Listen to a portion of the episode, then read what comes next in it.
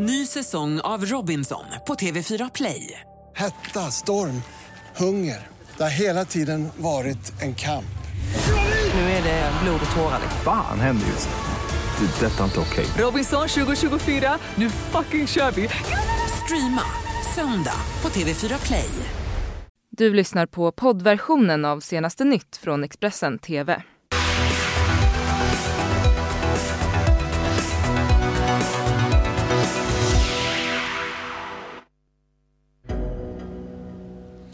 –900 000 människor på flykt från striderna i Idlib. Expressens team rapporterar inifrån Syrien. Fredrik Reinfeldt tjänar miljoner på sin goda relation med Kina, sitter i styrelsen för bolag som kontrolleras av kommunistpartiet. Roger Stone har dömts till fängelse efter att ha ljugit inför kongressen och hotat ett vittne. Nu öppnar Trump för att benåda sin vän. Det var våra huvudrubriker det, men jag börjar med att berätta att polisen i Filippinerna nu jagar en svensk 25-åring som, misstänkt för, som misstänks för att ha våldtagit en jämnårig svensk kvinna på ett vandrarhem igår. Kvinnan själv larmade polis efter överfallet. Om han fälls för våldtäkten riskerar han mellan 12 till 20 års fängelse. Irlands premiärminister har tröttnat på de många turerna och försöken att bilda en ny regering och även att utse hans efterträdare. Så nu meddelar här Leo Varadkar sin avgång för att skynda på processen. Varadkar fortsätter dock som övergångsledare tills hans efterträdare har utsetts. I norra Syrien pågår den enligt FN värsta humanitära krisen sedan krigets början för snart nio år sedan. Den pågående regeringsoffensiven och stridigheterna mellan syriska och turkiska styrkor i provinsen Idlib har drivit 900 000 civila på flykt sedan i december.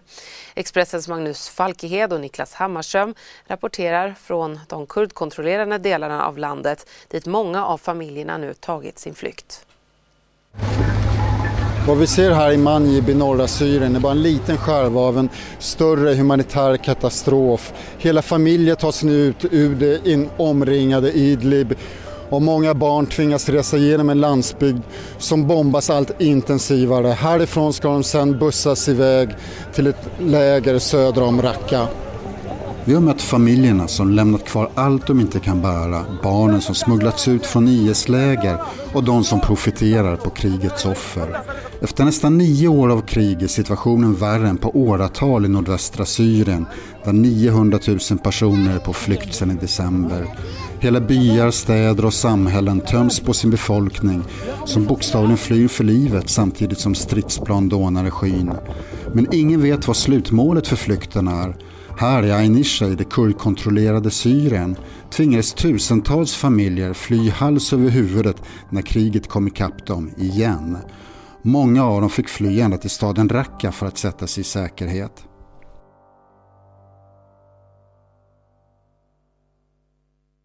Efter nio år av krig i Syrien har vi ju vant oss vid så många horribla och hemska nyheter men nu är situationen väldigt, väldigt annorlunda än på många, många år.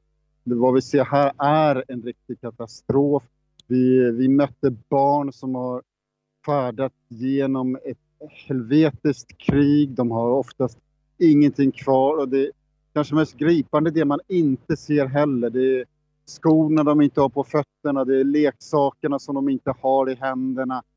Folk har verkligen samlat ihop det sista de har, det allra nödvändigaste för överlevnad för att ta sig ur hals över huvudet den här regionen som har blivit helt outhärdlig för människor nu. Vallokalerna har nu öppnat i parlamentsvalet i Iran. Valdeltagandet där väntas dock bli lågt efter flera protester i landet och med tanke på att det mäktiga väktarrådet har stoppat tusentals kandidater. Mer om det här blir det under dagen här i Expressen TV. Den diplomatiska krisen mellan Sverige och Kina blir allt mer påtaglig. Den senaste tiden har flera kommuner och regioner valt att bryta pågående samarbetsprojekt med Kina i protest mot den hårda ton som Kinas ambassadör Gi Kong-Yu har mot svenska journalister och politiker samt landets bristande respekt för mänskliga rättigheter. Samtidigt kan vi idag avslöja hur tidigare statsminister Fredrik Reinfeldt tjänar miljoner på sin goda relation till den kommunistiska regimen i Kina. Hör reporter Frida Sundqvist. Sveriges tidigare statsminister Fredrik Reinfeldt har tjänat miljoner på sin goda relation till den kommunistiska regimen i Kina. Han sitter i styrelsen för ett bolag som via aktiemajoritet kontrolleras av just den kinesiska statens eget bolag. Och på det här har han tjänat närmare en och en halv miljon kronor per år enligt uppgift till Expressen. Dessutom har han, via samma avtal som vi nu kan avslöja, rätt till 2,5 procent av vinsten i ett svenskt bolag som skulle investera i och sälja vidare svensk medicinteknik till just Kina. Men affärsidén blev en flopp. Det blev aldrig några affärer. Den kinesiska diktaturens tonläge mot Sverige har de senaste åren varit både högt och hårt. Mycket på grund av den fängslade bokförläggaren Gui Minai och de svenska reaktionerna på det. I flera veckors tid har jag sökt Fredrik Reinfeldt med frågor om hur han ser på sina affärer i och med den kinesiska diktaturen. Men han har inte velat ställa upp på någon intervju med mig. Mm, vill du veta mer om det här så finns reportaget i text och lång-tv-reportage här på Expressen.se. 11 av de 13 amerikaner som evakuerades från det coronadrabbade kryssningsfartyget Diamond Princess har på amerikansk mark konstaterats smittade av viruset och över 500 av de resterande passagerarna som anses vara friska fick igår lämna fartyget som alltså legat i karantän i japanska Yokohama sedan i början av februari. Men passagerarna John and Mel och Melanie Hearing är fortfarande isolerade från omvärlden, tusentals mil från varann. Matt Rivers från vår partnerkanal CNN rapporterar. The people leaving today are the healthy ones, Japanese authorities say, tested at least once for the coronavirus, sometimes twice, with negative results. So off they go, back home. The most beautiful thing in the world. Though others have found a different way off the ship. Is this window here where I get some light. By testing positive for the virus. Of course, the first thing in your head, am I going to die? Is, is this how I'm going to go? John Herring and his wife Melanie were on a six month world trip. He'd just retired. But shortly after the Diamond Princess quarantine began, John's temperature spiked. Get your stuff together, officials told them. John's being taken off the ship in 20 minutes. What was it like saying goodbye to your wife in the, in the room? I gave her a hug, and um, she had tears in her eyes. And as I walked out the door, I, I couldn't look back. He's in isolation now in a local hospital where he tested positive for the virus. And that's my isolation door. His wife Melanie spoke to us from thousands of miles away. It's your own little hell. It's like I, you know, I'm just praying that he's going to be okay. She's not sick, but she's in quarantine too on a California military base. She was one of several hundred Americans evacuated Monday on charter flights.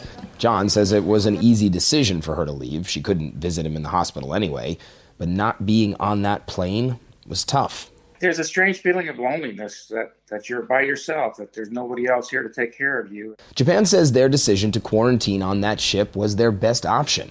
But the U.S. Centers for Disease Control says people on board the ship during quarantine were of higher risk to catch the virus, though the U.S. didn't evacuate its people for nearly two weeks after it began. Both John and Melanie are very grateful the flights happened.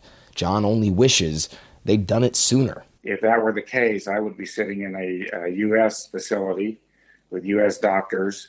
Uh, my wife would be there, um, and I would get the best care that I possibly get um, on, on my home soil. He needs two negative tests in a row before he can leave the hospital. In the meantime, his wife waits. When he gets out and he comes back to the U.S., um, when you see him for the first time, what are you going to do? What do you think? it's going to be a joyous reunion, I'll just say that. John's not alone, though. Dozens of Americans remain in hospitals around Yokohama. The U.S. government says they'll have to have at least 14 days without symptoms or a positive coronavirus test before they'll be allowed to get on a plane and go home. USAs president Donald Trump hans vän och tidigare rådgivare Roger Stone har goda chanser att bli benådad. Ett uttalande som kommer bara timmar efter att Stone dömts till fängelse i 40 månader bland annat för att ha ljugit för kongressen i samband med Rysslandsutredningen och för att ha hotat ett vittne. Roger has a very good chance of exoneration in my opinion. He's a smart guy. He's a little different.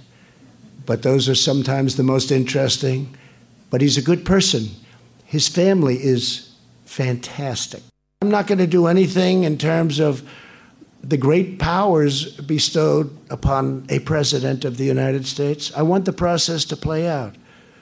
I think that's the best thing to do because I'd love to see Roger exonerated and I'd love to see it happen because I personally think he was treated very unfairly.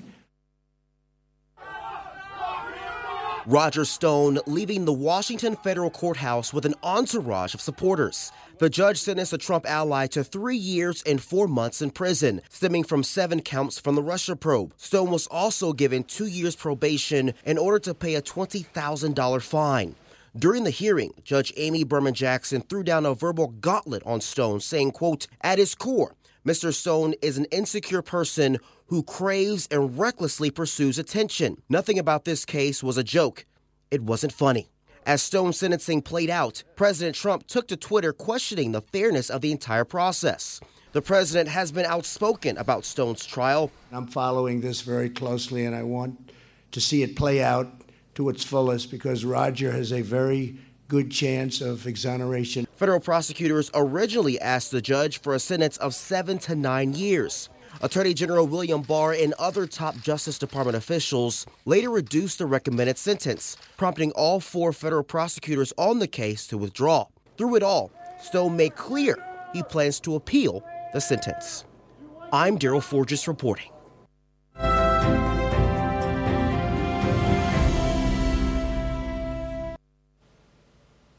Så en titt på vädret. Eh, vädret idag börjar med risk för ishalka i Dalarna och Värmland i och med att det klarnar upp under de tidiga morgontimmarna. Mellersta och norra Norrland kan det falla uppemot en decimeter snö under morgonen. Fram på dagen har det klarnat upp på de flesta håll men längs norra Norrlandskusten ligger det fortsatt kvar en del snöfall. I övrigt blir det en blåsig fredag. Natten mot, lördag och, natten mot lördag och lördag förmiddag passerar ett nytt nederbördsområde över Svealand och Götaland främst i form av regn men lokalt med inslag av blötsnö. Det fortsätter att blåsa med västlig vind. Över Norrland väntar klart till halvklart väder förutom i fjällen där det drar in snöbyar. Du har lyssnat på poddversionen av senaste nytt från Expressen TV. Till förordnad ansvarig utgivare är Klas Granström. Ny säsong av Robinson på TV4 Play. Hetta, storm, hunger. Det har hela tiden varit en kamp. Nu är det blod och tårar. Fan händer just det. Det är detta inte okej. Robinson 2024, nu fucking kör vi! Streama söndag på TV4 Play.